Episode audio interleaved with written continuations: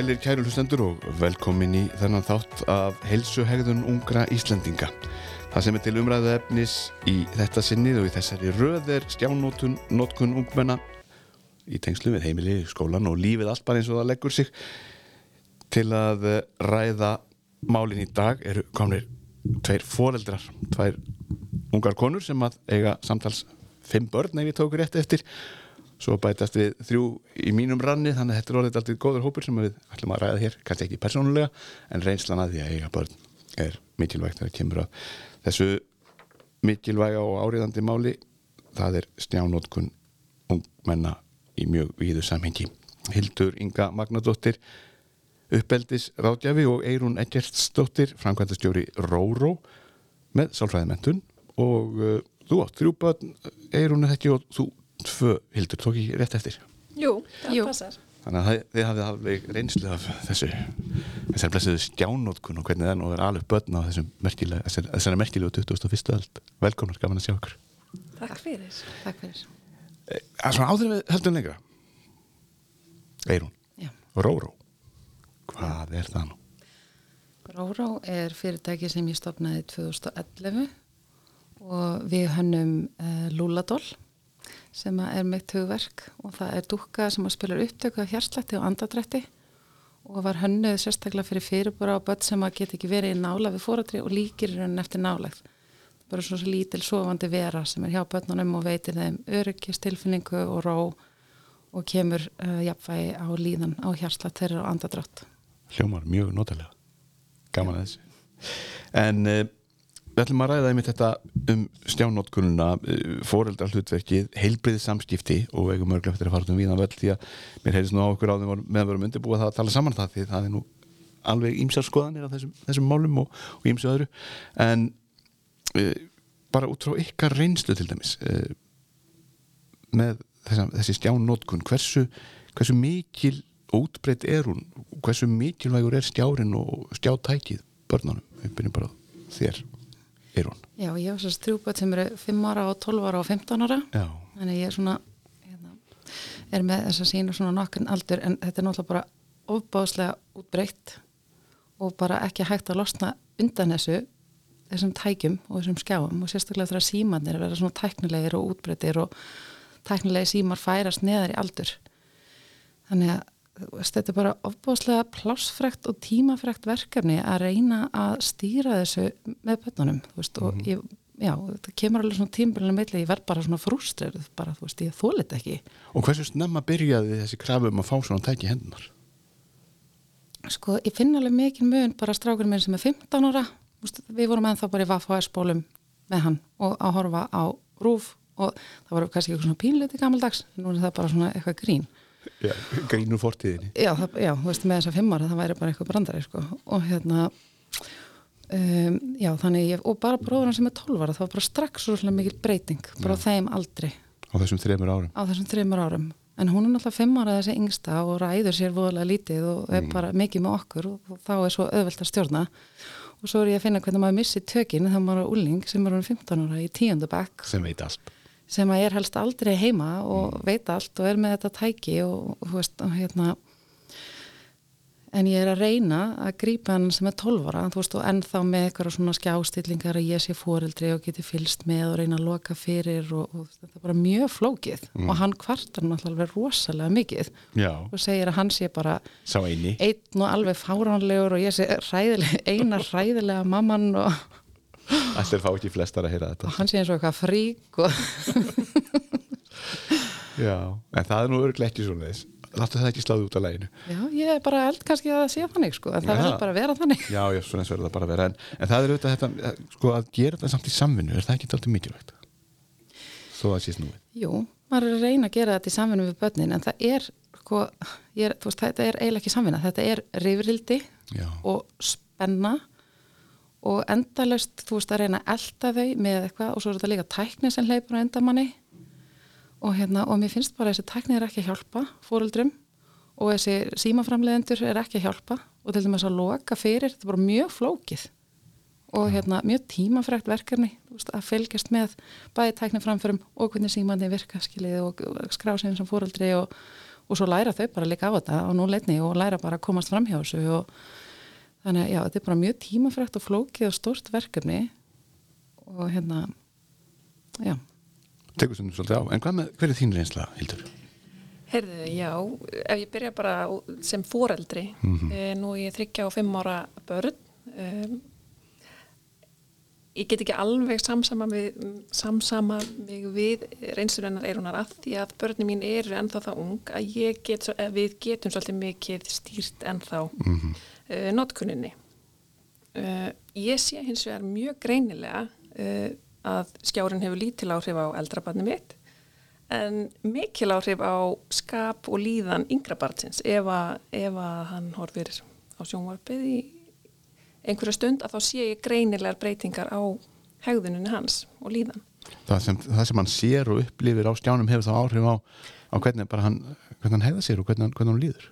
Ekki kannski endilega innihaldið eh, hva- á, veist, innihald barnælisins nei. heldur bara það að vera við skjáin að Já. einbyttingin sé þar Mm uh, og rannsóknir hafa sínt að einmitt þetta er eina af neikvæðum afleggingum uh, skjánotkunar. Þetta getur haft áhrif á andlega líðan, á skapið, á aðtigli og, og fleira. Meiri sér hjá svona ungu barni. Já, og ég sé það svo skýrt einmitt, þó að, þó að hann sé svona ungur að, að, hérna, að þá get ég séð uh, svo skýrt uh, hver áhrifin eru og auðvitað er þetta einstaklingsbundið líka hversu mikil áhrifin eru á hvert og eitt barn og ég get líka séð það að því að þetta fimmóra barn sem ég á uh, tekur lítiðurinn er það hefur lítil áhrif á hana en svo mikil áhrif á, á yngri strákin.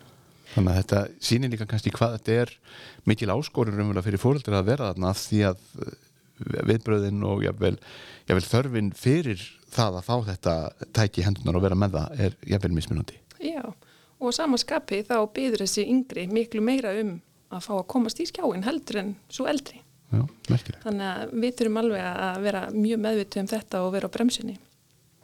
En ef ég tala svo sem fagaðili sem að eh, starfa með foreldrum að þá er það í lang flestum tilfellum að ég sérst starfa á, á, á heils- og sálfræði þjónustunni á Akureyri og þanga koma uh, foreldrar í leita aðstóð um, bara fyrir börn á öllum aldri uh, og líka fyrir sig uh, að því að þau eru það getur verið tilfinningavandi, hegðunavandi barna, ímislegt fleira ofþyngd og það má eiginlega alltaf sjá einhvers konar vanda með tækin líka að, að það er óhófleg skjánótkun til staðar líka samhliða öðrum vanda Og það virðist ekkert ganga lengur að segja við börn, jafnvel svona tiltölu ung, að það sé bara ekki tímabært að eignast svona tæki. Nei. Það er hluti af þessu líka. Já, já. Og það er náttúrulega, fóreldrar þurfa að taka mjög meðvitaða ákverðun um að uh, grípa inn í og halda vel í taumana. Af því að það er svo auðvelt að missa tökin á þessu, að, að, að þetta fara úr böndunum. Já, og það bæði notkunnin og, og það hvað jafnvel þau eru að sækja í og það auðvitað bætir þá bara eikur, eikst þá e, svona æmyndir að gyrnin eftir því sem að aldurinn hækkar hlýtur að vera fara að leita að alls konar, alls konar hlutum sem að kannski er ekkert æstilegt að þau séu að sjá sem börn. Nei, og þarna kemur einmitt inn, uh, það er svo rosalega mikilvægt að foreldrar séu uh, involveraðir, eins og tölum íslensku, að þeir taki virkan þátt í uh, notkunninni, að þeir viti hvað er, hvað börnin er að gera, að þeir setji sér inn í það, fylgist með og jafnvel þó að þetta sé eitthvað sem að þeim finnst alls ekkert áhugavert, en þá er þetta eitthvað sem skiptir börnin uh, verulega miklu máli og þá er svo mikilvægt að fóreldrarnir setjast inn í það þannig að þeir verði samræðu hæfir uh, um skjánótkunna og þannig er hægt á sama tíma auka stundirnar uh, fóreldri og börn geta aukið samveru stundir sínar þegar að, að þeir geta þá rætt um innihald nótkunnarinnar, jafnvel spila töluleiki saman, Já, sín áhuga. sín áhuga. Er það þín reynsla líka, Eirún? Já, já, að einhverju leiti ég hef mjög oft heyrt að þú veist það er ekki magnið, það er gæðin á tímanum en magnið er orðið bara svo gigantist, þú veist, skjá klukkutími í skjá og ég var að sjá bara hérna ég held að sé nú frá Akureyra mitt þú veist, það eru búin að koma einhver svona tilmæli og voðalega svona feimni við að gefa tilmæli. Það er nú voðalega erfitt að gefa tilmæli um klukkutími í skjá. Ég skil ekki okkur það er svona erfitt en ég en tilmæli er bara ungmenni eftir tíundabæk það eru fjóri klukkustundir á dag. Og mér hugsaður sko, jú, jú, eitthvað að því ákast ég verið í skóla og vinnu en þetta veist þessar átta klukkustundir svefn. Átta að leika sér og átta að vinna. Veist, hvað eru við komið fjórar af þeim og svo eru þetta að geta upp svefntíman meðal annars sem er verið að sína sig og úlinga sofa allt og lítið. Og það hefur bara langvarandi bara alls konar hilsuvasvanda og svo líka þetta með magnið og gæðin. Þú veitu, það er engin að hanga í hérna Duolingo endalust veist, jú, kannski svona minnandi því ég er búin að loka fyrir allt annað. En hérna, þau veitir þau eru að leita í að vera svona ofbáslega lengi í þessu og við líka út af því maður ofta að gera bara eitthvað bull, þú veist, maður er að gera eitthvað sem er ávanabindandi, sem er kannski ekki gott. Maður er ekki að missa sig hérna næringafræði síðunum eða þú veist, orðabókinni og, og hérna. En vissulega má náttúrulega kenna þeim það. En, en þetta er þessi mörg sem að teljast meira þess að vera tilmæli og vera eðlileg, finnst mér vera bara fyrst, erum við fara að líta þetta sem eðlileg þetta er svo mikið, þetta er svo brjálaðist að mikið magn og þetta breytast á svona stuttum tíma að bara helmingurinn af okkar sagt, leiktíma eða vökutíma það sé bara tekin frá í skjá.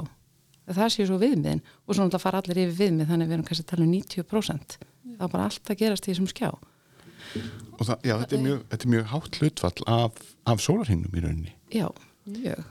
Og, og líka það að, að fá að láta þetta ganga upp að það sé alltaf bara aldrei mikið meira en fjóri tímar. Já. og svo er það nú þannig að nýjustu viðmiðin þá er rauninni búið að taka út þennan tímafjölda. Mm -hmm. viðmið sem að hafa verið sett bæði hér á landi og erlendis eh, að þá er meira verið að horfa á hildarmyndina, hvernig er einmitt virknin utan skjásins? Af því að það sem hendar einu barni það hendar alls ekki næsta. Og ég get til dæmis bara vísaði börni mín að, að þó að sé að það sem að hendar þeirri eldri myndi alls ekki henda þeim yngri. Nei og ég upplifum það sama, það er sá sem að leitar meira í sem að fólir rosalega illa mm. og kannski bara fimm mínútur í skjá getur farið bara brjálaðast í skapið og það skiptir einmitt ekki alveg mm. kannski máli hvað það er, það er bara að sé eitthvað óþól hann að í gangi mm og nú er ég ekki einu svona að tala um sko allar hættur netsins og allt sem þið geta komist í mm. bara þetta að vera hangandi í einhverjum skjá þegar þetta er einhverjum leik og bara eru og, og, og virkast ekki verið að gera klukkutíma við mig en er það orðið eðlilegt að við séum með mitt bara eitthvað 50% af deginum okkar í skjá? Vist, mér þætti frekar að það væri það bara heyrðu okkur okay, tveir tímar og reyndu nú að hafa nú svona 70% af því eitthvað svona sem er í lægi mm.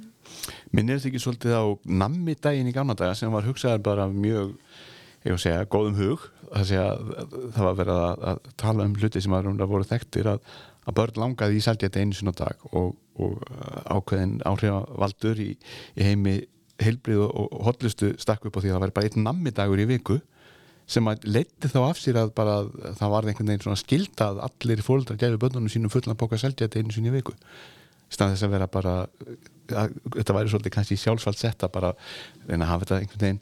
Eins og er nú hluta til yfirskrift uh, þessa samtals hér í dag sko það að vera góð fyrirmynd og það að setja mörg og, og eiga heilbrið samskipti það, hva, hvað þýðir einmitt nákvæmlega það þetta heilbrið samskipti Það er einmitt svo ótrúlega vítt hugtak mm -hmm. og uh, merkingin sem hver og einn leggur í þetta þetta er svo ótrúlega uh, mismunandi mm -hmm. þannig að það er rosa erfitt að segja hva, hvað eru heilbri mörg af því að heilbri mörg í mínum huga getur þýtt eitthvað annað í þínum huga. Mm. þannig að það kannski uh, auðvitað þurfa að vera einhver samfélagsleg viðmið um hvað börn þurfa að gera til að uh, lifa heilbrigðu lífi. En eins og með bara þegar að bóking kom fyrst þá voru uppi áhyggjur um uh, þessa miklu kyrsetu hegðun sem fyldi og við erum að ganga í gegnum eitthvað nýtt tímabil núna þar sem að þessi mikla tækni, miklu framfarir eins og Eirún sagði áðan, þetta, þetta er svo hraða breytingar að fóreldra bara ná ekki að, að, hérna, að fylgjast með. Og börnin eru oft sko, þau eru, þau eru svo klók sko, mm þau finna alltaf e, eh, bakdýraleðinar þannig að fóreldra þurfa alltaf að vera á tánum.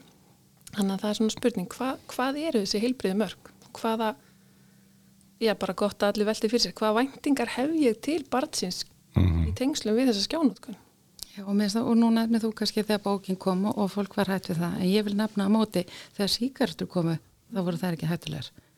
Mér finnst eiginlega ótrúlega hvað fólk er feimið við þetta og fóreldrar og linir og þú nefnir þetta með nammidaginn það er bara eins og sé algjörlega eðlegt að það sé nammi dagur alla daga, allan daginn varðandi skjá og það er bara svona, og ég var að lesa rannsók það voru breski fóreldrar stórt úrtak. 70% af þeim töldu að það hafi einhver neikvæð áhrif á barnaseitt að vera í skjá og hafðu miklar áhyggjur af skjánu, eða sérst, hafðu áhyggjur og 25% miklar áhyggjur af skjánukun þau töldu að þau ættu að veri félsins samskipti bara mörg vandamál sem þau töldu þau væri lífi ítla bara uh, andlega væri að þingjast, væri að einangrast væri samtaldi 70% að það væri algjörlega skipti miklu máli fyrir þau að hafa aðgang að þessu Já, Skilju, og það er einhvern veginn sem er hæðislega já, nei, býtu það, þú veist, allir er að gera þetta eins og við erum alltaf svo mikið fólk. Allir er að gera þetta, maður má ekki vera skrítin það er alltaf númer eitt. Þótt maður segir, býtu, þetta er skadalegt á tíu vegu, þau gáttu eiginlega ekki nefnt, nei, já, eina sem var jákvæmt og heldur það að vera að gera eitthvað skapandi. Það var eitthvað svona virki eitthvað skapandi mm -hmm. eh, og alla þess að neikvæði þetta en út af því að allir er að gera þetta og þetta er allstar, þá var þetta bara eiginlega algjörlega nöðsynlegt sko og mátti eiginlega ekki stoppa þetta og fæstir voru að gera neitt til þess að stoppa mm. Og það er líka þannig að það er búið að færa svo margt af svona daglegri daglegum þörfum inn í tæki þar sé að þú til að fá afgang einhver stað til að komast í stræt og miðar eru nánast að hverfa þar og, og alls konar svona hlutir sem að allt í einu þú er bara ómögulegur Já. virkar ekki nefn að hafa svona uh, snjáltæki í vasanum. Og þarna bera kannski stjórnvöld miklu ábyrðið eitthvað og Já. þeir sem að taka svona ákvæðanir og það er alveg bara gott að við spurjum okkur að því. Menna, hvert er við að stefna með þetta? E, er þetta framtíðin að allt verði komið í skjátæki? E, líklega með að við þróunina í dag þá stefnir það í það. Alltaf að bætast við. Já og það er alltaf að bætast við. Og þá sko hvernig getum við stutt við börnin til þess að lifa í þessum nýja veruleika? Að því að við, við getum nú getur bara sagt, hérna, tekið dæmi úr rannsókninni minni þegar ég, hérna, í meistarrannsókninni minni við Háskólan Akureyri þar sem ég uh, eh, rætti við fóreldra um viðþorf og, og reynslu af skjánótkun barna sinna, það voru börn 13 til 15 ára uh, og þar komu vissulega fram neikvæð áhrif. En það komu líka mjög mikið af jákvæðum áhrifum. Það var til dæmis aukin uh, tungumála, kunnáta, aukin samskipti við vini viðsvegar um landið og ættingja sem að byggu jafnvel erlendis. Uh, þau voru að auðlast náttúrulega mjög mikla færni, í, færni sem að fóreldrar kun, kunna ekki og þekka ekki endilega. Þannig að það var mjög margt jákvægt líka sem að mér finnst oft gleymast í umræðinni. Það er vissulega skuggaliðar sem að er verðt að fylgjast með mm. og passa upp á en það má ekki gleyma að það er líka uh, jákvæðar liðar og það er uh, það vantar kannski meiri stuðning við foreldra að aðstóða Já. börnin að, að vera með tækin, að kenna þeim að lifa með tækninni Já, ég er alveg sammála þetta er líka, þú veist, þegar foreldrarnir kunnit ekki og því við erum svo vöna að það eru foreldrarnir sem er að stýra, en þetta er eiginlega krakka stýrt, því þau eru fljótar að læra á þetta allt saman og hérna já ég held að hann sé að læra hérna aðalega mikið. En er það, þú veist, er það út af þeim að skilur ekki eða en hérna, já. Og þetta eru sko börnin ykkar fætt á þeim tíma þar sem að þessi tæki eru bara til, þau eru engin nýlunda. Þau eru bara búin að vera þegar þau koma svona aðeins til veit svo ára eru þau bara þetta er bara hluta raunveruleikanum. Á meðan við all þó við séum miskumul gengum allir inn í þetta. Og þetta byrtist allt innu bara sem, sem spennandi tæknin í ungu og hefur svo bara alltaf verið að vaksa snjall símar og snjall tækja af ímsu tæki og, og uh, skjáir eru orðnir út um allt. Það eru leðbeiningastjáir um hvert á að fara innan háskólasvæðisins og á, mm. ofinbörum rýmum út um allt. Svo er maður alveg ómögulegur eða kemur eitthvað upp á slöknar á stjánum eða eitthvað, þá er maður alltaf bara áttaviltur og, og og veit eitthvað hvert maður á að fara þannig að þeir eru sennilega komnið til að vera þessi skjáir. En það er bara spurning með hvernig hvort þeir stjórna okkur að við þeim. Algjörlega. Og ég veist þeim kannski hérna, auðvitað eru náttúrulega öll vandamál sem tengast börnum eru fóraldra vandamál það eru fóraldrarnir sem er ekki að grýpa inn í en það er bæði, þú veist, það skil ekki tæknina kannski.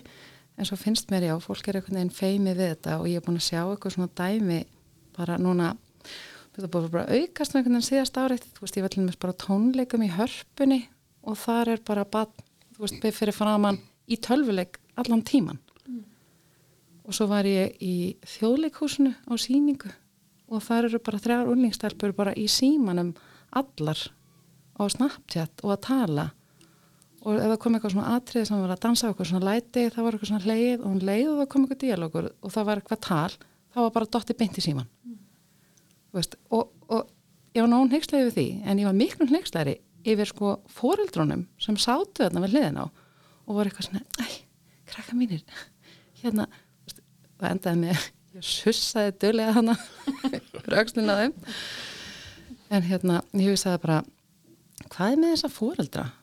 Veist, þessara kynsluðar börn eru náttúrulega bara að gera bara allt sem þetta er hug, bara ekki gegn, það er þessar skjár og fullt af leikjum og allt í gangi og, en hérna, veist ég, akkur eru foreldrar svona feimnir við þetta? Og börn í bíó, ég var að mynda, veist, á í krakkamynd, þá ég segi bara, er góður þetta er ekki nógu spennandi. Bara bíó er ekki nógu spennandi. Þú verður að vera að tjekka á símanum allan tíman Já. og oft sko einmitt er það að þau halda því að missa einhverju. Og, og sko fóreldrarnir uh, e, sko ef að börnin hafa komist upp með þetta einsinni uh, að að gera eitthvað eða, eða vera með skjáin í ákveðnum aðstæðum þá íta er og íta og íta að þeir eru búin að komast upp með þetta einsinni Halda bara áfram. Já. Ganga eins langt og hægt að komast. Já, og, og það er það sem börn gera og það sem þau eiga að gera. Eiga, og hafa alltaf gert. Já, já, og þau eiga að kanna mörkin. En það er hins vegar fóreldrana að setja mörkin og standa við þau.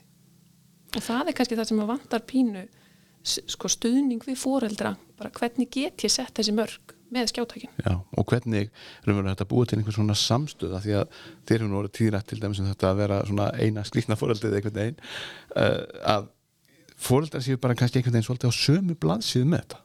Í, ekkert endilega í heiminum öllum heldur kannski til dæmis eins og í ákveðnum ég, í einhverjum ákveðnum skólum út af fyrir sig eða, eða ákveðnum sveitafélag út af fyrir sig svona eftir hvað einingarnar eru stórar. Þannig að sé svona samhljómur og börnin viti það að, að þó að þau haldi í fram að þau séu eina skrítnabarni sem ekki fær þá eru bara fóröldarnir þannig að þau vita öll að staðan er bara nákvæmna svona og engan við einu öðruvísi.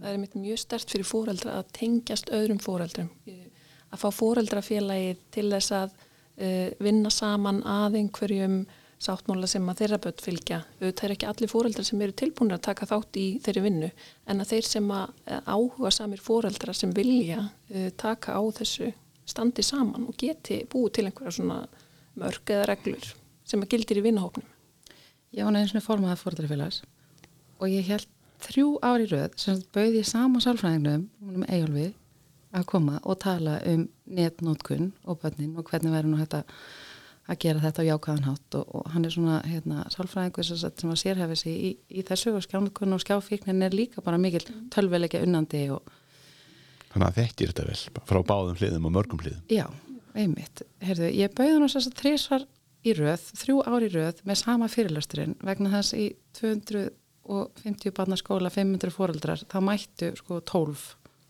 mm. öll árin. Og þarna er mitt sko þeir sem að þurfa mest á fræðslunni eða stuðningnum að halda, þeir mættu ekki. Nei, þeir mættu ekki, Nei. svona ef við vorum bara öll aðna bara að tala um vaffaðarspólur og kassettur skilur og eitthvað við hefum bara getið verið heima sko. En það er um þetta að láta drópan hóla kannski í steinin og eins og þið erum báðar búin að nefna þetta er skjátækin og snjáltækin eru góð. Það sé að hugmyndin í sjálf sér er bara rosalega fín. Og ég þekki ekkert foreldri sem að vill ekki að batnið sé með einhvers konar tæki á sér síma að því að foreldrarnir vilja geta náði börnin hvað sem þau eru stödd hvernig sem er. Það er einu svolítið komið þánga þetta er líka orðið svona, hlut, þessi þáttur foreldrarna eða geta sendt skilabóð hvað ertu og konti í mat eða hvernig sem það er mm.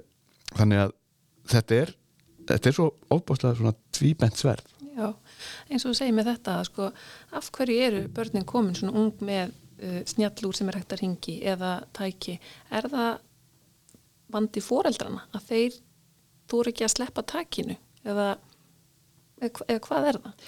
Ég held að sé líka ekki bara svona fallet eða þú eru ekki sleppa að það vilji ná í þú veist, þetta er líka bara leti. Þetta er gæðveikt þægilegt.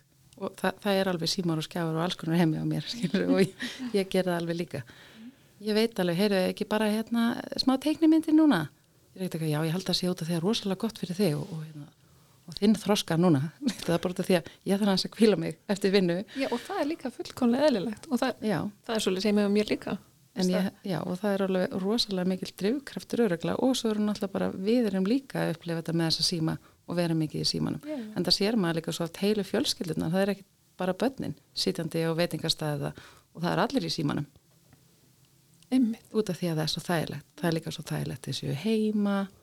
Það er svo þægilegt að séu ekki allir í heimsókn. Það er ógeðslega mikið vesen. Fá fullt af börnum í heimsókn. Allir bara eitthvað borða brauðum með kakumalt þú veist eins og í gamla dag það er miklu þægilega að allir fara bara heim til sín og svo hittist þið bara í tölvuleik. Já. þú veist það er þetta er svo þægilegt sem fóreldri En einmitt svona stærstu vandkvæðin við þetta og, og þá ekki endilega kannski akkurat bara í núinu heldur bara til framtíðar fyrir börn sem að alast upp í þessu umhverfi. Ef við bara byrjum á fóreldra og, og uppeldisráðgjafanum með það Hildur, hvað hva, sko, framtíðar músíkin í þessu öllu saman og, og framtíðar áhrifin á börnin sem að sitja daganlanga í einhverjum töluleikjum eða á, á samfélagsmiðlum eða hvar sem er sko, hvernig verður allt í einu þegar að það þarf nú að fara að kaupa sér bíl og hús og, og, og ég vil fara í framhaldsnám og gera alltaf svona þessa fullorðins hluti verður það erfiðara fyrir, fyrir þessa krakka? Ég get alveg ímynda mér að þeir sem að hafa uh, fengið, fengið uh, kannski ekki allt en eitthvað upp í hendurnar hafi ekki þurft uh, sjálfur að vinna fyrir því að því að við þekkjum nú flest að við viljum passa upp á börnin okkar, við viljum vefið þeim inn í bómull en það er líka mikilvægt að fóröldarnir spurji sig uh, hvenar er ég farin að taka sko af sjálfstæði barnsins Mhm. hvar er, við að, hvar er tækifærin sem að við getum stíði tilbaka þar sem að uh, við getum sett ábyrðina yfir á börnin vissulega þurfaðu stuðning með þessi tæki. Uh, fóreldrarnir uh, eru stærsta fyrirmynd barna og það sem að þeir gera það vissulega hefur áhrif á börnin, hvort sem að það er í skjánum eða utan skjásins. Og rannsóknir hafa sínt að ef fóreldrar eru virkir utan skjásins eru í reyfingu og þá eru meiri líkur á að börnin séu í reyfingu. Að samanskapi ef að fóreldrar eru mikið í uh, kyrsetu hegðun, skjá, að þá eru meiri líkur á að börnin séu líka í því. Þannig að fóreldrarnir þurfa alltaf svolítið að taka ábyrðina og, og spurja sig hvar, hvernig vil ég að hvernig fyrirmynd vil ég vera fyrir barnið mitt. Já, sem verður ekki alltaf 12 ára einn daginn er árið 25 Já. eða 37 Já. þannig að tíminn líður hratt Já, þarna einmitt, akkurat, tíminn, tíminn líður mjög hratt en e, það sem fóreldrar geta gert er að byrja sko, þeim en fyrir sem er byrjað að grípa inn í, þeim en betra. E, það er erfiðar að vissulega að fara að breyta reglum hjá börn eða sérst, hjá ungmennum af því að þau eru búin að mörgin hafa verið svona hinga til af hverju að fara að breyta þeim? Það er ógísla fúlt að þeirra mati. Þannig að- byrja eins snemma og hægt er uh, og fá börnin með í lið að búa til þessi mörg uh, það getur stuðlað að því að þau eru sáttari við mörgin þegar þau að fara að kvarta hérna undan reglunum bara hei, hei, hei, þú varst með í að setja reglunar, mástu að, hérna, finna einhvern milliveg og skoða hvernig er virknin utan skjásins, er barnið að hitta krakka, hvernig eru félagslegu samskiptin? Er það að reyfa, sig? Eh, er það að, hvernig er næringin? Er það að, er það að borða við skjáin Eh, eh, á fjölskyldan gæða stundir saman, hvernig er hægt að auka þessar skjálösu stundir þannig að það er ímislegt sem er hægt að gera eh, inn á heimilinu sem fóreldrar geta gert og bara þeim mun fyrir sem að þeir byrja að grípa inn í, þeim mun uh, meiri líkur eru á að það beri árangur. En Eirún, hvernig líst þér á þessa framtíðar bliku? Já, um, eins og þú segir, ég vona alltaf bara eins og með alla þróun, fyrst þetta er bara ný þróun og fyrst byrjar það bara einhvern veginn og svo vona mann alltaf að það verði hérna fari í betri átt en hérna um, ég var bara að hugsa þú veist, þú segir þetta er í höndum fóreldra ég vildi að það væri bara svona staður þar sem að fóreldrar getur komið eitthvað svona ráðgjafa þjónasta bara með síman hjá börnunum sem hjálpaði mér, barnum mitt svona gamalt er svo til ég að loka fyrir þetta og þetta og þetta eða út af því að þú veist ótrúlegur hópur af fóreldrum sem er svo svona flott og velstandandi fólk og velmeinandi. Og svo er kannski bara hérna allt opið, þú veist, allt netið og, og hérna, og ég veit með teirt, þú veist, krakkar eru út á ról og pínulegt krakkar að googla XXX og horfa þangar til þeir með ekki horfa lengur. Þetta er svona leikur út á ról þannig að þú veist, þótt að ég segir hann að stoppa það sem ég get það bara, þú veist, það fer barnið mitt og er bara umgangast önnuböld og hérna og þetta viljum við þetta ekki og veist, þú maður bara einhvern veginn hefur ekki hugmynd um þetta. Nei. en hérna og svo erum við bara einmitt eitthvað svona fóreldrar einhverju risaðalar að bera svona bækur okkar. Hvaða stílingu setur þú á? Og, en ég hugsa veist, að þessi hlutir bara hljóti að verða auðveldari og, og, og hérna, verði þróin til betri vegar með það. Nást eitthvað jafnvægi? Já. En það er náttúrulega veröld batna er svo til leindar heimur fyrir fullónu fólki, ég held að allir sem ekkert tíma voru batn muni það að fóröldarnir fengur nú ekki alveg að vita allt hvað við vorum að barndúsa og gerðum alls konar hluti sem að fóröldarnir hefði bæði sennilega fengið einhvers konar áfall yfir. Eh, stumt bara pínlítið hættulegt eins og veru nálagt strömharðri á eða, eða farin er að bryggju og nálagt kantinum eða, eða eitthvað svo leiðis þannig að það er, börnin er ekkert alltaf að segja allt en, en, en og það er auðvitað eðlert að fólkdrar hafi þá þessar áhyggjur. Mm. þetta er bara áhyggjur kynnslóðana yeah. en uh, hættunar eru það eru svolítið lúmskari er það ekki núna? Eins og þú varst nú nefna með mann hefði aldrei dóttið þetta í hug þetta var alveg tíðindi fyrir mér. Það spertist á mér einu þegar þú heyrðum sagði þetta með leikskólabönnin í einhverjum brjálæðislegum svona einhverjum leitarleika einhverju óhugnarlegu á, á netinu. Já. mann hefði aldrei dóttið í hug en þetta eru bönn líka gefið fyrir það að láta hræða sér pínlítið og sjá eitthvað sem það finnst pínu, pínu ógnvænlegt. Og þau eru forvitin, þau eiga að vera forvitin en hlaupa svo heim í öryggið sko, já. Það, já. Já, það er bara það allt netið er einhvern veginn fyrir fram að þig og þú ert svolítið forvitin, þá erum við allt í hennu mm -hmm. komin bara í allt annað heldur en að vera á kíu og gluggan hjá mm -hmm. gulla skrítna eitthvað einn ein skrítin í hverfinu en ég held samt líka þú nefnir þetta með að fara neyra á bryggju og fara neyra á og allt þetta við erum kannski líka kynsluðan sem gerir það sem er visslega hættulegt og, og sundum bara slasaði fólk sig þannig að maður er svo gladur æ þau eru bara, bara inni henni hérna í símanum bara að dúla sér og ég er svo fegin. Engin bíl á hraðri ferð fram hjá þeim ekki þetta fyrta við að reykja út í skólalóð og ég veit ekki. Þannig að en þetta er auðvitað eitthvað sem að þarf auðvitað að meta bara hvert fóreldri fyrir sig. Og ég var með þetta veltaður með þegar þið voru að tala hvort að svona, svona samveru stundir mm -hmm. e, eh, fóreldrar sem að nenna vilja og geta varið lengri tíma með börnunum sínum.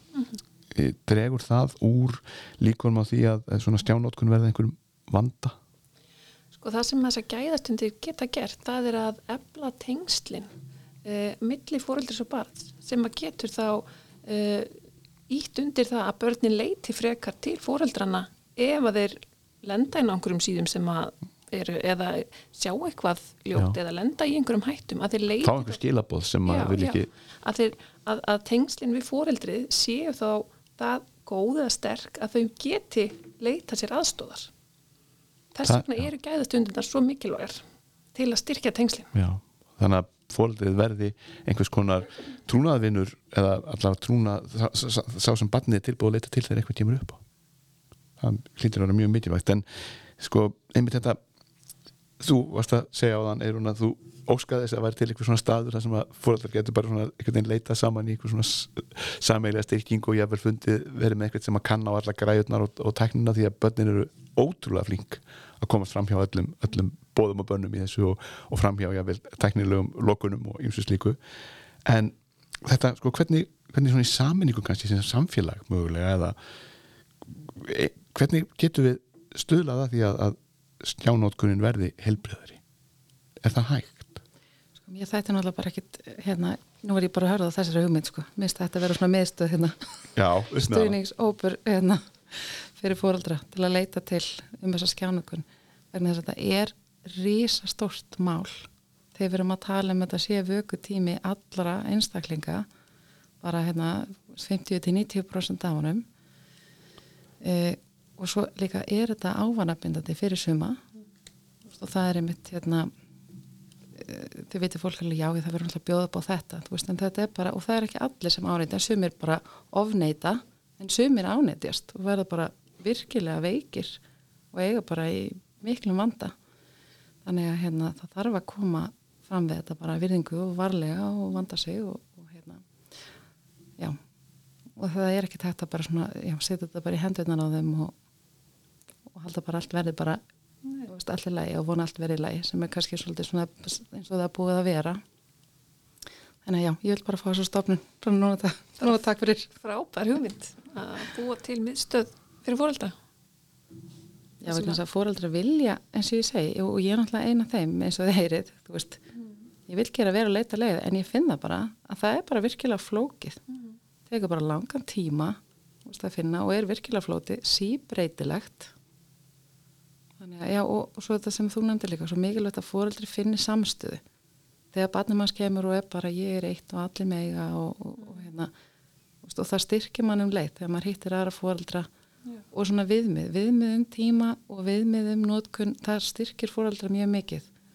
Og bara hérna, þú veist, útivista tímin er þetta löggan segir að segullin er á ískapnum það bara seglar á alla ískapa og rákjaða mistu, það er hérna það er mitt innleg Já, það, það hluti af þessu örglega en einmitt það þarf samt að hafa því huga að auðvitað er þetta ekki og stjánótkun og, og, og símanótkun og, og tækjanótkun ekki, ekki vandamál hjá öllum unglingum.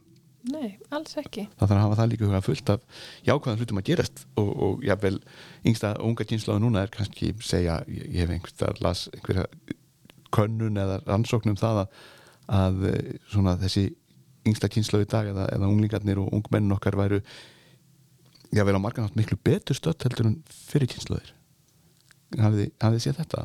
Bæði, bæði hvað var konar þekkingu og, og þú nefndir nú eða annur hver eitthvað nefndi aðan með tungumálakunnáttuna og, og margt fleira og jáfnvel ágæti í alls konar samskiptum. Þau eru ákveðnari til dæmis kakvart fullóðni fólki heldur en kannski mín kynslu þó er ekki að segja neitt við fullóðni fólk til dæmis. Nei. ef við vorum reytin út úr sjópu þá voru bara reytin út úr sjópu og það vorum bara um tínu sinni rauk fyrir því sko. Já, þannig að það er margt jákvætt. Já, en svo vissulega líka uh, sko verðt alveg að velta fyrir sér um, það sem að, að þú segir hérna að þú eru ekki að, nei, hérna, að mótmæla uh, fullornum Mhm. að þá fer þetta allt fram í gegnum sko tækin. Og núna kannski leifa þau sér líka að segja eitthvað sem þau myndu ekki endilega að segja í personu og jáfnvel eitthvað verra heldur við myndum nokkuð tíma að segja. Já, eitthvað verra heldur en uh, það sem að myndi nokkuð tíma að segja beint við aðra manneski Mhm.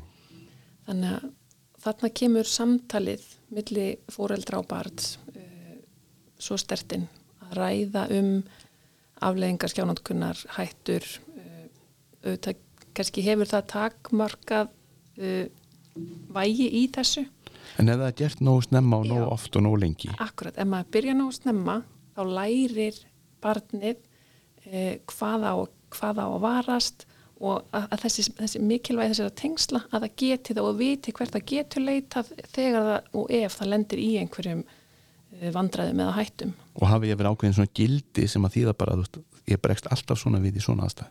Já, Þú veist, ef eitthvað, eitthvað hræður gerist, þá er ég ekki að fara að taka þátt í því, ég ætla að láta vita að Einmitt. eitthvað vant sé uppbyggingu. akkurat mjög gott að vera búin, búin að undibúa þig ef eitthvað gerist, hvernig ætla ég að bregðast við því? Og alveg sama hvað það er Já, í rauninni.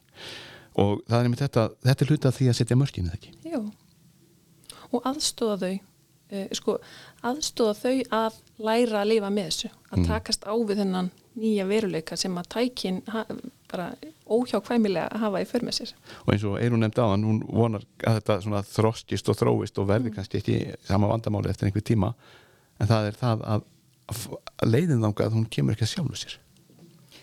Og ég er einmitt spennt að fylgjast líka með á næsta árum bara frekari rannsóknum á geðhelsu og eins og við segjum það á eftir að leiða í ljós hvort þetta verður eins og þegar við vorum hrætt við bækur eða hvort þetta verður eins og þegar við vorum hrætt við sigartur vegna þess að það er ekkert sjálfsagt mál eða bara drikju þú veist, úlingadrikju, auðvitað var oft gaman. Auðvitað eignaðist maður fullt af vinum þið viti, en þetta var nú samt kannski eiginlega betra að sleppa því og við skulum frekar ekki gera það. Hérna, þannig að ég líka bara ég tel mér svolítið hrætt við bara hérna að leiðast ekki. Að fólki kunni aldrei að leiðast að það sé aldrei bara að gera ekki neitt. Hvað áhrif hefur það? hvað langtíma áhrif hefur það? hvað áhrif hefur það þegar börn alast upp og þau eru fullorðin einstaklingar sem að leiðist aldrei? Hvernig verður það fyrir persónlega samskipti þeirra bara við aðra? Eða hvernig verður þið í vinnunni? Eða lúkst, hvernig líðir þeim bara eitthvað svona, er eitthvað svona ónóta tilfinning, eða þið vitið, bara svona þetta er sem kannski koma til yfir langstíma. Jú, þú kannt kannski í tungumál, þú veist áttu í alvörunni vinið, áttu bara marga kunningja eða já, einhver svona Já, og er einhvern úti sem að grípur þig þegar eitthvað kemur virkilega fyrir? Já, eða er þetta bara einhver svona veður, góðs veðurs vinnur? En einmitt þetta að megi ekki láta sér leiðast það er einmitt svolítið áhugaverður punktur að uh, það er holdt að láta sér leiðast. Það er jafnvel holdt að heyra eitthvað sem mann finnst ekki skemmtilegt. Hlusta á tónlist sem mann finnst ömuleg en núna getur maður bara hvað sem maður, unglingur eða fullaði mannestja skauta fram hjá öllu sem er leiðilegt Já, getur það. og alltaf fundið sér aðtreyingu er, er það gott eða er það slæmt eða er það eitthvað þar á milli? Ég sko það að þegar, maður, þegar börn láta sér leiðast, hvað er það sem að gerist þá? Þá fara þau að, að þá fyrir hugurinn á flug, þá fara þau að skapa eitthvað, þá fara þau í einhvern ímyndunarleik. Það, þau eru að fara á mis við það. Ef þau eru með stöðugt áreiti, stöðuga skemmtun, þá, þá er þau mögulega að missa af því, þessum parti. einmitt að þau setja sköpunum eitthvað annað, það er eitthvað annar búin að búa eitthvað til fyrir þau já, ég var alveg bara verið leið þú veist, bara svona í hærtanu að fylgjast með eitthvað neginn æskunni hjá strákunum mínum og muna það bara svona skemmtilegasta sem ég vissi, var að fara út og fara í svona ímyndunarleik og vera allt í hennu eitthvað, einhver með eitthvað annan nafn og vera kúriki og þú veist með eitthvað grjót og svo var það bara ég lagst svo til á morgun, lagði bara aftur að vera kúriki og, og hérna og þú veist að þeir eru ekki að leika sér og þeir eru ekki, þú veist, hann langar ekki dót bara hérna í ámæluskjöf, þú veist, það er bara með langar í tölvuleiki eða, já, eitthvað kannski bolta, kannski, þú veist, ok, íþróttir og svo er þetta, og svo er maður eitthvað svona að reyna og leika, þetta er ekki gaman að leika alltaf við mömmu sína, skilur, ég get ekki verið það var svo gaman að leika við aðra krakka þess að leika ekki aðra krakka til að leika við svo koma krakkar heim og þá bara, uh, megum við fara í eppin megum við fara í tölvuna, nei, finnið ykkur eitthvað að gera og þá fara þær og sitja inni og sitja og eru bara að býða og afplana og svo koma þær eftir þetta 20 minnur ok, núna koma tími, megum við núna fara nei, veist, á, hérna á ég nú hérna kannski að spila við ykkur oh, guðmamma, svo hallarslega, nei, far þú og svo bara, heyrðu, ég, ég þarf bara að fara heim. Og svo bara kemur það barn ekkert aftur í Veist, þetta er bara eitthvað sem að, maður hefur lendi í trekk í trekk. Og ef maður leifir ekki þessa skjánutkona þá koma þau ekki í heimsókn og þá fá þau að fara í heimsókn annað að leika. En þá eru þau bara í tölvun allan tíman og svo fara þau út að leika. Út af því að um ekki að svona minn þarf að beða mig um tíma þá fekk ég svona time request að hann fengi að vera lengur í einhverjum töluleik ég sagði býtu, varst ekki að fara út að skóla og leika jú það eru allir hérna í leik sko í símanum sko nema ég getur ekki geða mér hérna smá tíma. Það sátu þau bara sitt hver á hondinu bara í einhvern leik. Já, þetta er merkilegt.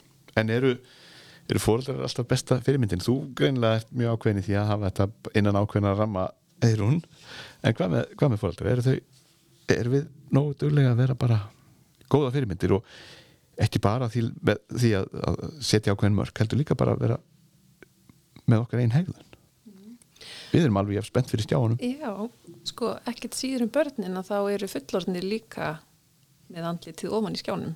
Það, og bara spila tölvuleiki, það er spjaltölvan það er snjallímatni, það er að horfa þætti. Eh, og eins og ég sagði áðan að rannsóknir benda til þess að fóreldra sem eru mikið í skjánum það, það eikur líkunar á að börnin séu mikið í skjánum. Þannig að það skiptir miklu máli hvaða hegðun fóreldra sína á heimilinu. Að því að börnin læra bara það sem fyrir þeim er haft. Mm Rétt. Nú eins og alltaf áður.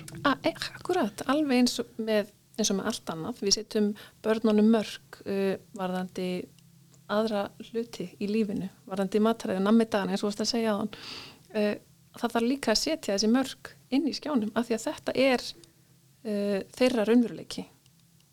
Og þess vegna þarfið mitt að færa mörgin þarna inn.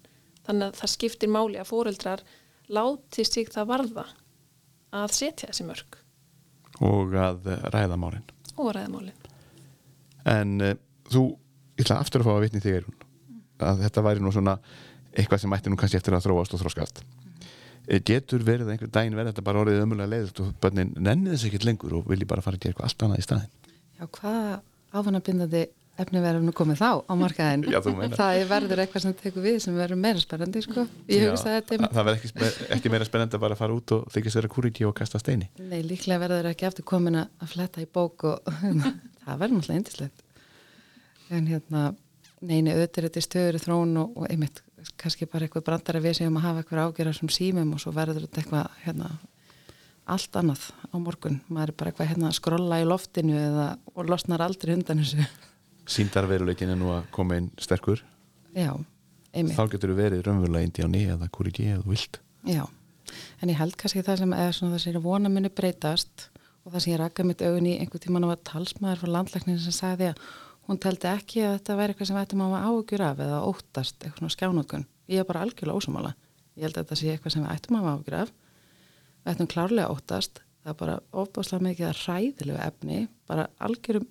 ættum og, og ekkert eitthvað þú smáður ekkert að grafa eftir því. Það er bara eitt klikk í burtu fyrir andlutur á þeim allan daginn ef maður gerir ekki eitthvað drastist í til að stoppa það. Þetta er mjög ávanabindandi, þau geta verið óvinnufæri og þunglind og fyrirfæri sér. Veist, þetta, er, þetta er mjög alvarlegt mál. Það þarf að horfa á þetta alveg um ögum, það þarf að setja skýrmörk, það þarf að hjálpa þeim og loka og setja tíma og hugsa um það sjálfur.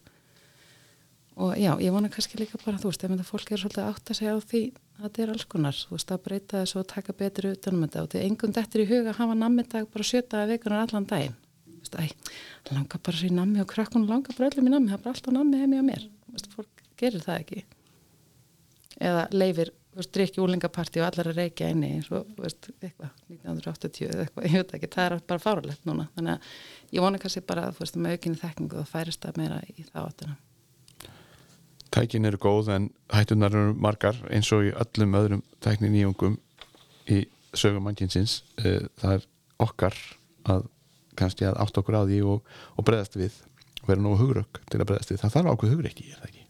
Jú, og sérstaklega þegar samfélagið sko, matar okkur af hinnu og þessu og það, ég meina símatnir er að lera og, og hérna bæði, bæði fullorna og bönn og þannig að það þarf mikið hugrekki til þess að uh, taka skrefið og, og gera eitthvað í þessu uh, það vissulega vantar eitthvað úrræði uh, fyrir fóreldra og vonandi munum við sjá einhverja breytingu þar á á næstu árum og, og, hérna, og, aukna rannsóknir á þessu málefni. Og líka þetta að samfélagið sé bara tilbúið að tala saman um að í sama hversu gott þetta er að þá séu þarna ákveðnar hættur á ferð sem að þurfa að breyðast við. Já. Svona áður en ég hveð ykkur í þessum þætti hlaðvarps um heilsuhegðun ungra Íslendinga, stjánótkun ungmenna og núna voru að ræða fóröldar hlutverkið, stjáinn, heilbrið samskipti og stínum að þetta sé nú kannski allt einhver tíman á réttri leið, mörkin og, og mikilvægi þeirra og það að hversu áriðandi sé að finna kannski eitthvað fleira við að vera heldur en sitja bara í stjánum. Hildur Inga Magnadóttir situr hér hjá okkur, hún er fóröldra og uppeldis ráðgjafi og Eirún Eggertsdóttir framkvæmtastjóri Róró. Og hún er með sálfræði mentum líka. Róró eru lítil svona dukku kríli er ekki sem að róa kannski bæði börn og fullana við þurfum kannski á því að halda í þessum hraðflega nútíma. Og svo er þið báðar foreldrar. Uh, kannski áður en við hverjum er hún eitthvað svona sem þið langar til að virkilega koma á framfæri í blá lokin. Bara allir út að leika það ekki? Rífa augun upp af stjánum Já, ef ekki, hérna, já hvert hérna, fóröldra og börni hverfi samfélögum og hérna, verðum út í eina krónu bara, blefum gömlu gleðina Og er ekki bara líklegt að þegar leikunum væri byrjaður og börnin og jáfnvel unglingarnir farin að taka þátt að þetta verði bara alveg ofsalega gaman það lítur að vera, það er ekkit betur en eina krónu Vátt, nema stórfiskaleikur kannski En hvað segir þú Hildur, eitthvað í lokin? Uh, já, ég vona að það verði vitundavakning meðal foreldra uh, og í rauninni fagmanna líka, fagaðila. Uh, þar sem að samstarf þarna á milli getur stuðlað að bættri framtíð barnana. Þannig ég vona að, að það muni eiga sér stað. Og allir svo saman út í einakrónu Já, og láti sér leiðast. Já, þess á milli, það er hold En ég vona engum hafi leiðst að hlusta á ykkur. Ég efast um að þannig sé það. Því að þið voru bráðskemmtilegar og, og fullar af fráleik og áhugaverðum hugmyndum um hvernig mann og bregðast við í þessum mikilvæg og merkilögum málum sem tengjast uppvexti barna og unglinga og ungs fólks og frumvöla samfélagsins alls. Framtíðin veldur svolítið á því hvernig unga kynnslóðin, hvernig henni reyðir af Já. Kæra þakki fyrir að vera með okkur Hildur Inga Magnadóttir, fóröldra uppeldisráðgjafi og Eirún Eggertsdóttir, framkvæmdistjóri Róró sem er með samfræðimentun, fóröldrar báða tvær. En aftur, takk fyrir að vera með okkur og takk fyrir að hlusta. Kæra fólk, verðið sæl.